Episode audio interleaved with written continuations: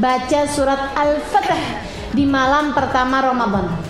Jangan lupa untuk baca surat Al-Fatih di malam pertama Ramadan. Kenapa Ustazah? Yaitu yang dilakukan Nabi Muhammad tiap datang malam pertama bulan Ramadan beliau membuka Ramadannya dengan surat Al-Fatih.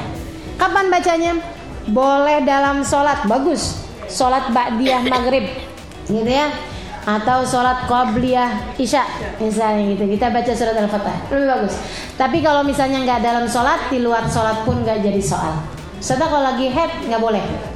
Karena surat Al-Fatih tentu saja bukan merupakan dikiran yang biasa kamu baca di saat sedang dalam keadaan suci. Ya, karenanya tidak diperkenankan bagi yang sedang haid untuk ikut serta membaca surat Al-Fatih.